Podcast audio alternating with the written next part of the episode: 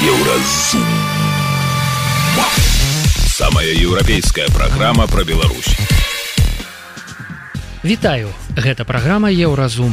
І самыя важныя падзеі і сэнсы панядзелка 18 верасня. Новая рэзідэнцыя Лукашэнкі ў мінску. На яе патрацілі амаль 150 мільёнаў з бюджэту. Когда мы видим, на какие цели реально расходуются деньги народа, на оздоровление тела дряхлеющего диктатора, становится очевидным плачевное состояние абсолютно всех сфер жизни обычных граждан. Ведь на такую сумму можно было отремонтировать не одну школу и не один детский сад, которые просто разваливаются на глазах. Но это еще не все. И даже не близко. Чым горш, тым лепш. Хто ўвогуле прыдумаў прымусіць беларусаў ездзіць па пашпарты ў Беларусь. Сейчас там процветает мракобесие. Разве можно ожидать от э, мракобесов чего-то здравомыслящего? Нет. Мракобесы это потому-то они мракобесы, что они ведут страну, к сожалению, к краху. У маскоўскім цырку хочуць дрэсіраваць зубра. Яны там увогуле нармальныя. Ничего про зубров здесь у нас не слышала. Пра гэта ды іншае больш падрабязна цягам бліжэйшай гадзіны. Еўразум. Беларусь у еўрапейскім фокусе. Незалежныя расследавальнікі з Белпол знайшлі ў мінску новую рэзідэнцыю Лукашэнкі. Яна месціцца ў самым цэнтры горада і да таго ж у двух кроках ад свіслачы. Месца шыкоўнае, але шыкоўнае там не толькі месца. Новая рэзідэнцыя Лукашэнкі проста нейкае свята аграгламуру з ёршыкамі за 600 рублёў, басейнам на тры дарожкі, джакузі і ўласнай аквадыскатэкай, якая, што праўда, называецца душ уражанняў. Давайте паслухаем, што яшчэ знайшлося ў новай, напэўна, ўжо 19 па ліку рэзідэнцыі Лукашэнкі і колькі гэта каштуе. Ничем не выделяющийся среди других диктаторов, Лукашенко, как и все они, любит все очень дорогое. При этом довольно безвкусное. Новый дворец не стал исключением, мы не увидим никакого хай-тека, соблюдения архитектурного стиля с применением новых технологий, не говоря уже о целесообразности всего проекта. Все как всегда.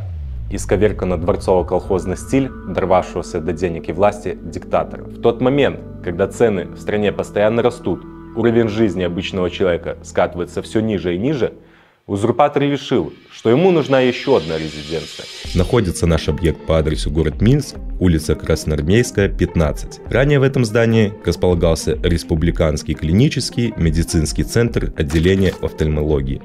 Тут даже в очках не, не увидишь, но тем не менее я вам прочитаю. Как указано в документах, после особого распоряжения самоизбранного строение начало готовиться к реконструкции. Изучив расположение этого здания, отметим ряд интересных моментов. Во-первых, строение располагается в так называемом правительственном квартале.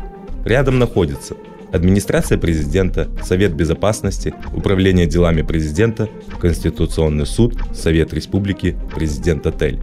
Во-вторых, отдельно стоит выделить здание Центрального аппарата оперативно-аналитического центра, а также здание оперативно-технической службы того же ОАЦ, которое находится в непосредственной близости от нашего объекта. Через дорогу располагается городская клиническая больница номер 2, а также бывшая президентская клиника.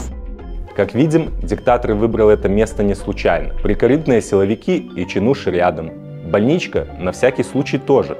Вот и получается, что медицинское учреждение, которое так необходимо обычным людям, узурпатором ликвидируется ради своих прихотей. Пора заканчивать нам э, строить э, дворцы эти. Обратимся к схеме генерального плана реконструкции. В правой части указаны объекты, которые располагаются на территории, подлежащей реконструкции. Это основное здание, КПП, фонтан, некая декоративная композиция, беседка, к которой мы еще обязательно вернемся.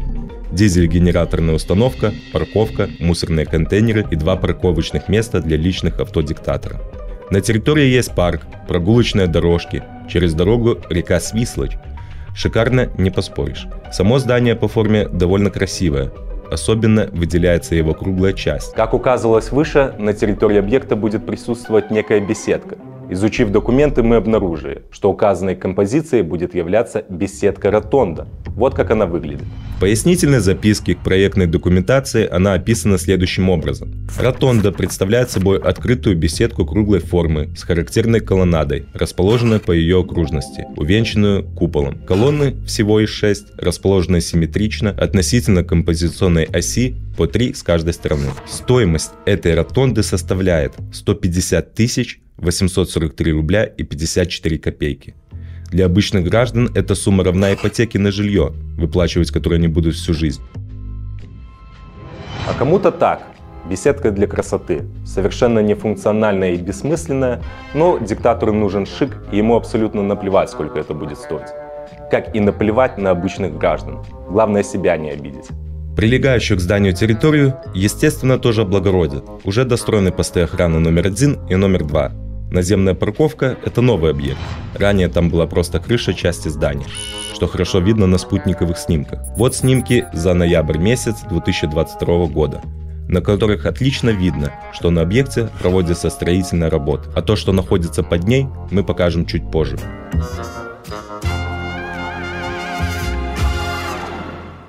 Начнем с детального плана первого этажа.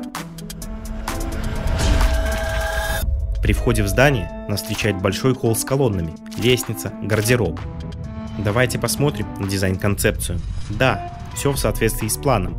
Все в мраморе, колонны тоже присутствуют. И два дивана, с которыми все никак не могли определиться. Выбор был очень сложный. Кресло или все же диваны. Вот они в коммерческом предложении от ООО King Style. Кресло за 3246 рублей 60 копеек за единицу либо диваны за 6495 рублей 36 копеек, соответственно. Изучив документы, видим, что взяли диваны двухместные из коллекции Эсмеральда, 4 штуки. Однако в подписанном договоре поставки цена их уже отличается. Итого за 4 дивана уплачено 25 189 рублей и 1 копейка. Нехило так. Идем дальше. В правой части этажа расположено много рабочих кабинетов. Две переговорные комнаты, комната рабочей смены и водителей. В левой части также расположено много кабинетов. Есть там и две комнаты для ожидания. Видимо, там всякие мелкие сошки, типа так называемых министров – председателей и других чиновников ожидают аудиенции на ковре у Солнцеликова. Отдельно отметим зону, в которой сконцентрировано охранное звено гнездышка диктатора. В кабинете номер 110 располагается центральный пост охраны, в котором установлена, согласно план-схеме, целая видеостена для наблюдения за всем живым вблизи здания и внутри его. В помещении номер 111 находится оружейная комната. Без нее никуда. Ведь от народной любви надо как-то защищаться. Также присутствует тут и импровизированный пункт пропуска, в котором установлен рентген-сканер Нюктех стоимостью 28 тысяч рублей, а также металлодетекторы. Но с этими металлодетекторами все не так просто. На объект всего их было закуплено 4 штуки. Два российских и два вражеских, американских. Минск станет столицей США. Открываем один из самых интересных документов, которые к нам попали. Это ведомость по объекту реконструкция здания по улице Красноармейской, 15 в городе Минске. Под номером 204 видим, что закуплено 4 арочных стационарных металлодетектора. В скобках указаны договоры поставки, дата их подписания и номер. Открываем договор поставки номер 0317 от 17 января 2023 года. Как видим, номер и дата составления совпадают с ведомостью по объекту. В пункте 11 договора видим подпись и печать директора ООО «Армакорп» Мардаса Андрея Васильевича, что является подтверждением подлинности договора. Чуть ниже, в спецификации, указана итоговая стоимость за закупку двух металлодетекторов фирмы Garrett – 67 200 рублей. Далее открываем договор на закупку еще двух металлодетекторов от российского производителя ЛКД. Видим, что закупались они в белорусско-кипрском совместном предприятии «Унибелус». Договор составлен 24 октября 2022 года. В данном случае подписан двумя сторонами. Генеральным директором «Унибелуса» Романович Мариной Викторовной и начальником Главного управления капитального строительства Управления делами президента Галиным Евгением Борисовичем. Отметим, именно этот товарищ подписывал абсолютно все договоры на приобретение имущества на данном объекте. Печати присутствуют в том числе гербовая. Листаем до спецификаций. А тут За детекторы 8329 рублей и 87 копеек. Итого за 4 металлодетектора уплачено 75 тысяч 529 рублей и 87 копеек. А в итоговом документе Ведомость по объекту 97 816 рублей 60 копеек.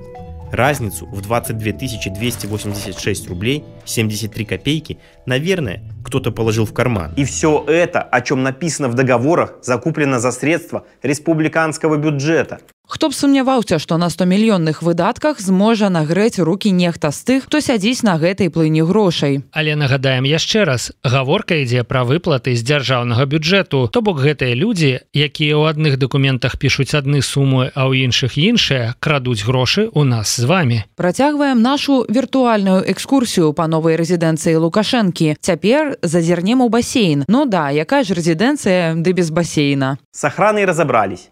Далее нас ждет просто грандиозное сооружение – бассейн с отдельной вип-зоной. Именно тут престарелый диктатор будет проводить свой досуг, размышляя, конечно же, о белорусском народе. Документ, на который мы опирались. Дизайн-концепция спа помещений объекта, реконструкция здания по улице Красноармейской, 15. В нем присутствует план расположения различных помещений, описание всех прелестей, которые присутствуют в бассейне и вип-зоне, а также визуализация задумки дизайнера. Перейдем непосредственно к прогулке. Войдя в помещение, слева перед нами сразу открывается вид на плавательную зону. Справа же расположена дорожка Кнейпа стоимостью всего лишь 115 818 рублей 16 копеек.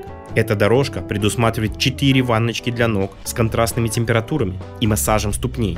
Только вот непонятно, зачем она диктатору, если он еле-еле ходит. Поднявшись по небольшой лестнице, с левой стороны, мы видим два джакузи, в которых будет поддерживаться постоянная температура воды в 32 градуса. В самом углу, вот за этой дверью, будет расположена криосауна, которая заказана в российской фирме ООО «Крион». Вот фото процесса ее сборки. С ней есть отдельная история. Сроки поставки и монтажа постоянно смещались. Даже досудебные претензии со стороны управления капитального строительства высылались в адрес поставщика. И вот, подходим к самому интересному. Стоимость этого оборудования в соответствии с договором 5 миллионов 575 тысяч российских рублей, что по курсу на дату подписания составляет 100 тысяч долларов США.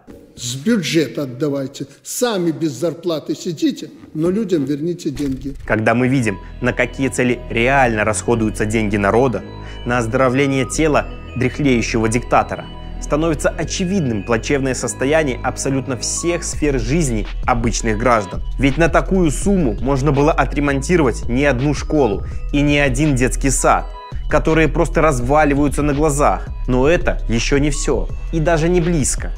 Рядом с криосауной установлена солнечная комната стоимостью 62 221 рубль 40 копеек. Она оборудована, как указано в описании к ней, уникальными приборами искусственное солнце, которые синхронизируют биоритмы человека и компенсируют дефицит солнечной энергии. Также, по информации производителя, указанное устройство восстанавливает гормональный цикл, стабилизирует обмен веществ, укрепляет иммунную и нервную системы, что в результате оказывает выраженное оздоровительное воздействие и способствует активному долголетию. И вот опять долголетие.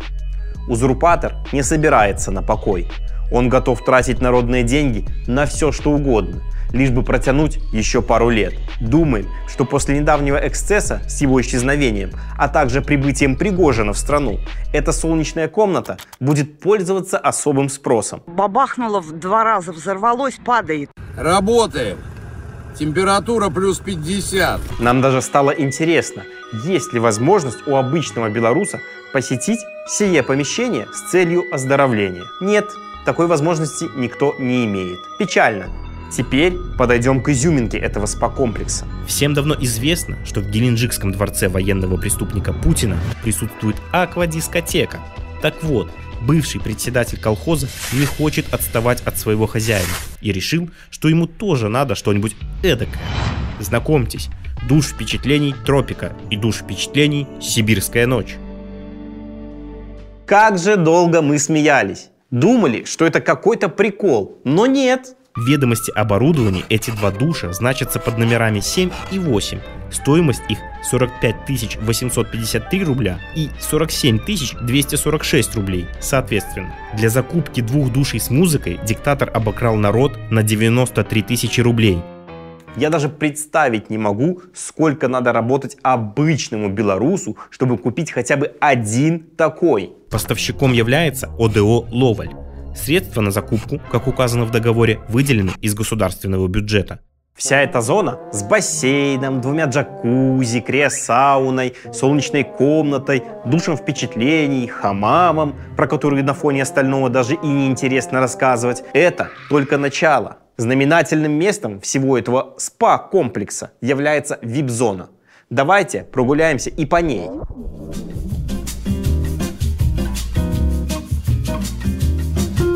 Встречает нас роскошный спа-бассейн Астропул Ронда 30 стоимостью 55 260 рублей, согласно договору поставки. Поставщик – закрытое акционерное общество Белстройтехнология, источник финансирования – республиканский бюджет.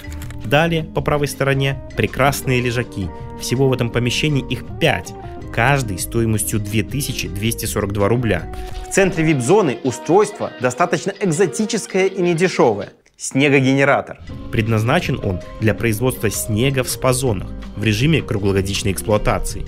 Это же насколько надо любить биатлон и хоккей, чтобы даже тут установить устройство для создания снега. Видимо, ледовых арен ему мало, надо больше снега и льда. Стоит эта диковинная штука баснословные деньги – 118 110 рублей. Для нас очень важно жить нормальной жизнью. А завершает все это комплекс, состоящий из вип-сауны и вип-парной. Как мы уже поняли, старый дед очень сильно любит поддать парку. В дизайн-концепции каждому из этих VIP-помещений отведено особое место. Для каждого расписаны положительные свойства. Минут 30 надо посидеть в горячей бане, сухой. Обычный образ жизни. Но не переживать э, по пустякам. Начнем с VIP-сауны. Я вам зачитаю описание от производителя, а вы пока что посмотрите на нее. Температура в финской сауне достигает 100 градусов при влажности в 20%. Финская сауна способствует ускорению кровотока, расширению сосудов, улучшению состояния кожи. Вертикальные полосы из подсвеченной гималайской соли создают динамику в помещении сауны, а теплые оттенки отделки – уют и комфорт. Теперь становится понятно, зачем из бюджета украдено 109 212 рублей и 48 копеек. Далее, вип-парная или же хамам. В хамам стопроцентная влажность и умеренная температура до 60 градусов, что позволяет с комфортом и пользой для здоровья проводить время. В интерьере акцентная стена выполнена из светопрозрачного оникса. Стоимость вип-парной 184 435 рублей 36 копеек. А теперь вспомните, когда вы в последний раз были за границей. Отдыхали на море, любовались горными склонами. Давно, правда? А некоторые вообще ни разу в жизни не выезжали за пределы Беларуси. Так как денег нет, надо кормить семью и детей. А тут 184 тысячи просто на парилку, в которой с очень высокой вероятностью престарелый может никогда и не появиться. Ведь это уже 19 или какая там по счету резиденция. Вось я задаюся пытаннем навошта 69гадоваму лукашэнку яшчэ адна рэзідэнцыя у дадатак да амаль 20 пра якія ўжо было вядома да таго? Думаю справа ў тым што неабмежаваная ўлада ў беларусі у яго ёсць а з фантазіяй акурат дрэнна. Вось ён і кляпае гэтыя рэзідэнцыі. Ну то бок у гісторыі беларусі лукашенко мог бы застацца чалавекам пры якім стала больш школ дзіцячых садкоў лякарняў. І ўсе яны нават які-небудзь фельчарскі пункт у мядзвежым куце былі адрамантаваныя і забяспечаныя сучасным абсталяваннем. А застанецца ён будаўніком рэзідэнцый. Далей у праграме еўразум. Чым горш, тым лепш, хто ўвогуле прыдумаў прымусіць беларусаў ездзіць па пашпарты ў Беларусь. Сейчас там процветает мракобесие. Разве можно ожидать от мракобесов чего-то здравомыслящего? Нет. Мракобесы это потому-то они мракобесы, что они ведут страну, к сожалению, к краху. У маскоўскім цырку хочуць дрэсіраваць зубра. Яны там увогуле нармальныя. Ничего про зубров здесь у нас не слышала. Сустрэнемся пасля музычнай паўзы і навінаў спорту.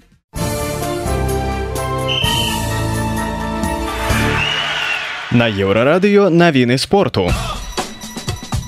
У вышэйшай лізе чэмпіянату беларусі па футболе сустракаліся лідары. Мінская дынама выйграла ў нёма на 21 у дынамаўцаў стала 45 ачкоў у гродзенцаў на 6 менш і матч у запасе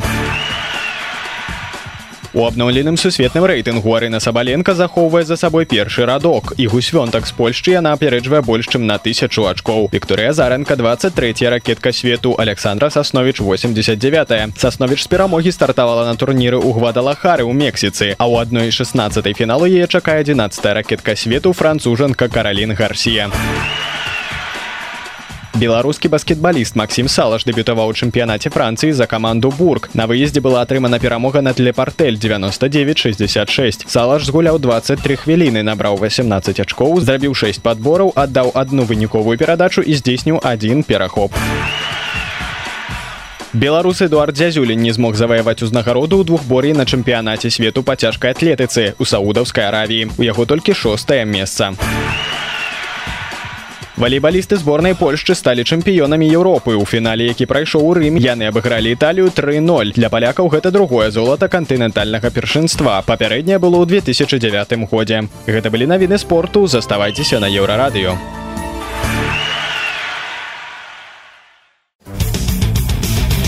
Еўразум жыві ў рытме Еўропы.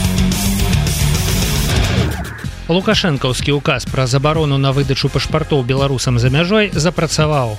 Апошнія навіны такія. Беларускія амбасады адмяняюць ужо прызначаныя візіты па гатовыя пашпарты. То бок чалавеку ўжо давезлі пашпарт у краіну, дзе ён жыве. Ужо прызначылі дату, калі яго можна забраць. А цяпер усё гэта адмянілі. Пашпарт паедзе назад у Беларусь. І чалавек адпаведна таксама мусіць паехаць па яго на радзіму. Указ стварае нязручнасці для соцень тысяч беларусаў за мяжой. Прычым сярод іх шмат людзей абсалютна не заангажаваных у палітыку. Адны агульных дальнабойнікаў 1030. Усе яны цяпер вымушаныя разбірацца ў тонкасцях міграцыйнага заканадаўства, але ў кабінетах беларускіх чыноўнікаў падаецца да іх нікому справы няма. Чаму лукашэнкаўскія ўлады вырашылі паступаць з народам па прынцыпе чым горш, тым лепш. Размаўляем пра гэта з эксперткай па міжнароднай палітыцы розай турарбекавай. Добрый день спадарня роза добрый день митер зараз вот с паспортом ситуация такое адчуванне что альбо им уже канчаткова наплевать як там что там якая реакция будуць якія санкцыі і чым это ўсё скончыцца. Альбо я не ведаю там у аператыўна-аналітычным цэнтры Ну я думаў ну застались яшчэ пару разумных людзей а там застаўся губазік один что ли карпінкоў дубалом з который з дубінками на ўсё кідаецца. Ці что ці там нейкія спецыяльныя наши люди которые вот это прыдумывают там по прынцыпу чым горш тым лепш Сложно сказать, конечно, ведь э, наша как бы политическая жизнь в Беларуси, да, она это это жизнь под ковром, да. Мы с вами видим только контуры, как говорится. Это все, кстати говоря, э, выражение Уинстона Черчилля относительно того, что что что есть политическая борьба в Советском Союзе. Мы наблюдаем, да, контуры медведей под ковром, которые мы видим, что борьба идет, но что конкретно происходит, мы не знаем, потому что все происходит под ковром. То же самое, что касается администрации Лукашенко. А, очень много э, остается все еще за кадром, мы обо многом не, не знаем, поэтому я просто давайте проспекулирую и откровенно признаю, что это спекуляция. То есть, на мой, по моему мнению, даже вот по моим каким-то таким фантазиям, а, не, не имея прямо информации, да, не, не, не отвечая за эту информацию, нет ее у меня, а вот я себе могу представить следующее. Во-первых, изменился Лукашенко сам. Э, он не может выйти из, из вот этого. Он вошел в крутое пике под названием репрессии. А, я думаю, что я не знаю, насколько он осознает, э, что его э, белорусское общество просто отвергло. Уходи. Несколько месяцев люди выходили на улицу и кричали «Уходи». Это после тех репрессий, после того, сколько он сделал, после того, как он зачищал, как он, э, как бы он думал, что он контролирует пространство все. И после всего этого он получил вот такое. Ну, естественно, что там объяснение, что это там цветные революции, инспирированные там чем-то там Госдепом США, там всеми разведками, какие только есть, масонами и НАТО. В общем, тут все, все. Конечно, можно объяснять, но факт остается фактом. а белорусское общество отвергло его как президента. А осознает он это в полной мере или нет, но он это помнит. Он помнит все это. И он вошел в это крутое пике, пике э, ненависти и пике э, репрессий. Он не может из него выйти. Вот в чем дело. Даже если ВУАЦ, хотя я не знаю, я, мне сложно сказать, я с ВУАЦ не знакома, э, вот, э, даже если в УАЦ есть какие-то там трезвомыслящие, трезвомыслящие люди, я думаю, что они просто не могут до него достучаться. И я думаю, что это даже опасно ему говорить о том, что пора прекратить, что это деструктивно. Я думаю, все те, кто пытались ему это сказать, были, а, а, как это, помечены как нелояльные и а, попали в опал. Они попали в опал. А, а, я думаю, что даже, и, я думаю, что они просто боятся говорить ему правду, хотя бы потому, чтобы сохранить собственную шкуру. Вот в чем дело. Поэтому они, спотыкаясь, а, сейчас рассказывают ему, как он прав, какие они все плохие, как их всех надо закатать в асфальт. И да, действительно, он как бы эм, э, там как-то там единственный здравомыслящий. Я там, когда читаю эти эм, лезть там Качанова или еще кого-то. Ну, я, вот понимаете, атмосфера, которая царит сейчас в администрации, она такая. Она не предполагает э, здравомыслие. Она не предполагает э, того, чтобы вернуться назад. Нет. А, дело в том, что он страницу перевернуть не может сам. Он там завяз. А выход из этой ситуации, к сожалению, я думаю, э, будет достаточно драматичный. А вот, поэтому отсюда и, э, и РАНЭР, и миграционный кризис, и соучастие в войне, и попытка достать, отомстить, отрезать э, этих там Змагаров. Ведь ему же реально, я не знаю, возможно, я надеюсь, что ему реально говорят цифры, сколько людей уехало. Кто эти люди? Не в смысле там, какие они ужасные, плохие, но это человеческий капитал уехал, качественный человеческий капитал. Что после этого остается в стране? Я не говорю о том, что в стране остались все, там, я не знаю, одни э, старики, немощные, дети там, э, и так далее. Нет, дело не в этом. Но отток был настолько серьезный, и это все, он, он проецирует эту ситуацию. И эти все люди, как он предполагает, они все против него. Он хочет сейчас их отрезать, нас отрезать и наказать. А какими средствами? Ведь, э, понимаете, для того, чтобы понимать, э, как ты идешь против международных отношений, против международного сообщества, ведь для этого надо представлять, что это такое. А он этого себе не представляет. Я говорила уже неоднократно, что одной из самых главных бед Лукашенко является его невежество. А сейчас, я думаю, не тот момент, когда кто-нибудь взял бы на себя роль, так сказать, э, просветителя. Это небезопасно, мягко говоря. Поэтому мы все так или иначе являемся заложниками его невежества. Сейчас в Беларуси, откровенно говоря, ну, я буду сейчас использовать э, сильные термины, э, сейчас там процветает мракобесие. Разве можно ожидать от мракобесов чего-то здравомыслящего? Нет. Мракобесы – это потому-то они мракобесы, что они ведут страну, к сожалению, к краху. И это, это самое страшное. Я, честно вам скажу, я это видела уже тогда. Я это видела осенью 2020 года. И я задавалась вопросом о том, чего он хочет. А, вот, и что он выбирает. И ответ совершенно очевиден. Он выбирает себя, а не страну. Поэтому он готов положить все. Дякую вялікі Роза Турарбекова подписывайтесь на телеграм-канал спадарыня Розы не забывайте про YouTube канал еўрарады слухайте глядзіце нас і жыве Беларусь жыве далее у праграме еўразум у маскоўскім цырку хочуць дрэсіраваць зубра яны там увогуле нармальныя ничего про зубров здесь у нас не слышала сустрэнемся пасля музычнай паўзы і навінаў шоу-бізу шоу-біз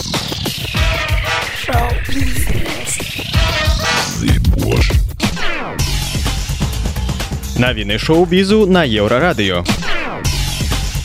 Выдавецтва Янушкевіч паведаміла пра першую восеньскую навінку. У чорны абеліск усяго другі раман знакамітага нямецкага пісьменніка рэмарка, які выходзіць па-беларуску ў арыгінальным перакладзе. Па словах выдавецтва чытання рэмарка сёння становіцца дзіўна актуальным і надзённым. Чорны абеліск пра тое, як заставацца чалавекам у невыносных умовах без чалавечнага грамадства. Пераклад на беларускую мову зрабіла Інна Хоміч.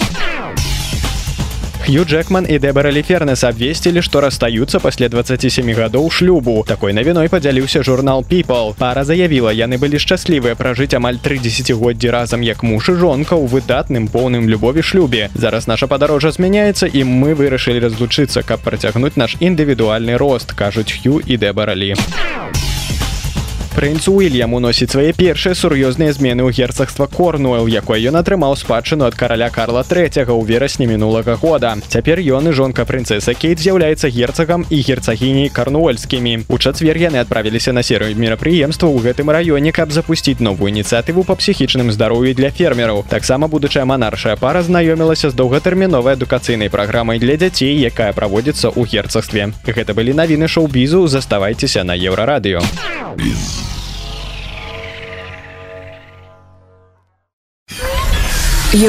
Кропка фм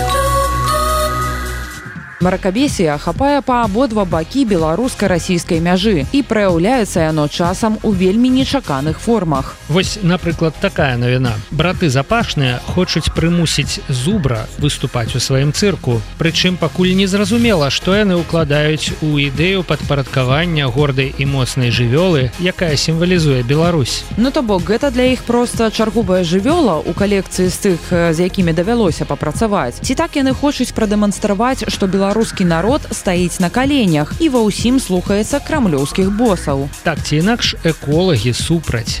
Яны кажуць, што цырк гэта ўвогуле не месца для жывёлаў і ў прыватнасці там дакладна не месца для беларускага зубра з просьбай не аддаваць дрэсіроўшчыкам жывёлу з чырвонай кнігі экалагічныя актывісты напісалі нават у адміністрацыю лукашэнкі разбіраемся на якім этапе цяпер справа. І ці сапраўды ў маскоўскім цырку неўзабаве з'явіцца беларускі зубр. Цырк запашных не месца для беларускага зубра. Так абураюцца беларускія экаактывісты яны выказваюць катэгарычнае не на меру аднаго з братоў дрэсіроўшчыкаў паставіць нумар з насельнікам белавежскай пушчы у чым рэч Мастацкі кіраўнік вялікага маскоўскага цырка аскольд запашным у пачатку лета прыехаў Беларусь за рабочым візітам на закупку беларускіх натуральных кармоў для жывёл. Пра знакамітага госця з самой рассіі ганарліва пісалі дзяржаўныя медыя. Апроч іншага дрэсіроўшык паведаміў, што мае намер з'ездзіць у белавежскую пушшу, каб прыгледзецца да беларускіх зуброў. Мы ўвесь час імкнемся дзівіць публіку разнастайнасцю відаў жывёл. У вялікім маскоўскім цырку ў нас працуюць ластаногія, марскія львы, сівучы, хатнія жывёлы, вожакі, пацукі і іншыя. Самыя нечаканныя жывёлы для цырка. Цяпер выхоўваем слана, а брат нядаўна прапанаваў стварыць нумар з зубрамі. Размаўляў з беларускімі спецыялістамі, якія абяцалі далее звозить у беловежскую пушчу. Не выключаю что найбліжэйшым часам і такая калабарацыя здарыцца. Грамадскае аб'яднанне обороны жывёл эгіда піша что гэта недапушчальна. Быць першапраходцам цікава і павабна і напэўна прыбыткова. Але разам з тым мы лічым што прафесіяналы пры жаданні рэалізацыі сваёй ідэі цікавіліся абмеркаваннем навакольных тым больш грамадзян беларусі дзе зубр занесены ў чырвоную кнігу рэспублікі беларусь дзе да яго ставяцца паважліва бо зубр гэта сімвал нашай краіны. Каб разабрацца ў сітуацыі экаактывісты напісалі звароты ў міністэрстве культуры лясной гаспадаркі прыродных рэсурсаў і аховы навакольнага асяроддзя спорту і турызму. А пакуль яны чакаюць адпіскі ад чыноўнікаў мы самі звязаліся з вялікім маскоўскім цыркам Вось што на пытанне пра зуброў нам адказала кіраўніца аддзелу па сувязях з грамадскасцю Евгенія бурлакова. Нет про это ни, пока речь вообще не шла ни разу. Ну, вообще ни разу пока ничего подобного не звучало. Я вот э, ни разу ничего про зубров здесь у нас не слышала. И никто, в общем-то, я думаю, не слышал. Здаецца, намер запашных выдрессировать зубра быў крыху перабольшаным. Але ж ім нішто не замінае вярнуцца да гэтай ідэі. Ці можна ў Беларусі набыць зубра? Хоць зубры ў Беларусі занесены ў чырвоную кнігу, але паводле закона паляваць можна на так званы рэзервовы генафонд, то бок на старых і хворых жывёл. Менавіта з такіх жывёл летась пачалі рабіць каўбасу. Паляўнічы могуць купіць пуцёўку з дазволу спецыяльнай камісіі. Супрацоўнікі нацпарку белавежская пуша на месцы паказваюць, на якога зубра можна паляваць. Дарэчы, сёлета ў рассію прададзены 18 зуброў. З белавежскай пушы іх накіравалі ў башкартастан. Сярэдні кошт аднаго зубра склаў 8-9 тысяч доллараў. То бок знакамітым дрэсіроўшчыкам з брацкай рассіі не складзе праблемы дамовіцца на пакупку зубра. Можа нават і не з рэзервовага фонду. Але пытанне, ці сапраўды ім гэта трэба? Ці магчыма ўвогуле прыручыць зубра? На гэтае пытанне яшчэ ў 2013 годзе адказаў вядучы навуковы супрацоўнік нацыянальнага парку белавежская пушча Алексей Буневіч. Дагэтуль прыручыць зубра не ўдавалася нікому. Малады зубр прыкладна да года можа есці хлеб з рук чалавека, але потым усё роўна здзічае. Быў адзін выпадак, калі зуброў паспрабавалі выдрэсірваць і выступіць з імі ў цырку. Паспрабаваў зрабіць гэта знакаміты расійскі дрэсіроўшчык Віктор Ціханаў, аднак пацярпеў няўдачу пузубры пачалі буяніць і ледзь не разнеслі арэну у беларускай пушы на пачатак года было 730 зуброў. Гэта на 27 асобін больш чым летась. А вось у польскай частцы запаведніка на пачатак 2023 года налічылі 829 асобін зубра. Мехаселін еўрарадыо еўрарадыё. Твоя улюбёная хваля Гэта была праграма Еўразум, штодзённы інфармацыйны падкаст еўрарадыё. Кожны дзень мы распавядаем пра самыя галоўныя навіны Беларусі і свету. А сённяшні выпуск скончаны. Беражыце сябе. Пачуемся. Еўразум. Самая еўрапейская праграма пра Беларусь.